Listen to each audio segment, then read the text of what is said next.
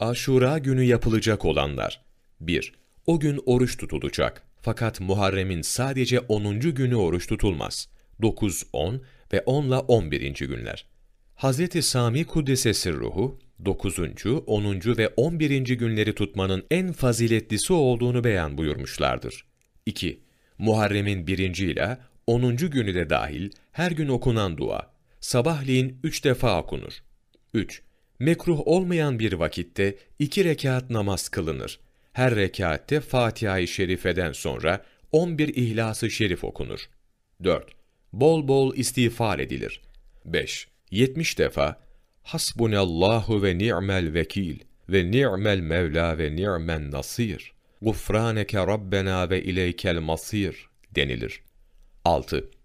313 defa La ilahe illa ente subhanek inni kuntu minez zalimin denilir. 7. Gusül abdesti alınır. 8. 10 mümine selam verilir. 9. Hasta bir kimse ziyaret edilir. 10. En az bir mümine iftar ettirilir ki, bütün müminlere iftar ettirilmiş gibi olunur. 11. O gün eve getirilen rızık arttırılacak. En faziletlisi 10 çeşit olmasıdır.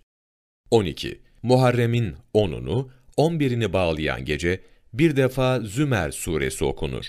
Meymun bin Mihran'ın İbni Abbas radıyallahu anh'tan bildirdiği hadisi şerifte, Aşure günü oruç tutana 10 bin melek sevabı verilir. Muharrem'in aşure gününü oruç tutana 10 bin şehit, 10 bin hac ve umre sevabı verilir. Muharrem'in 10. günü olan aşure gününde bir yetimin başını okşayana, Allahu Teala o yetimin başındaki kıllar kadar cennette derece verir. Aşure gecesi bir mümine iftar verene, Allahu Teala katında bütün ümmeti Muhammed sallallahu aleyhi ve selleme iftar vermiş ve karınlarını doyurmuş gibi sevap yazılır buyuruldu. Ruhul Beyan 4. cilt sayfa 83 Abdülkadir Geylani Kuddisesi Ruhu Gunyetü't Talibin sayfa 352 Mevlana takvimi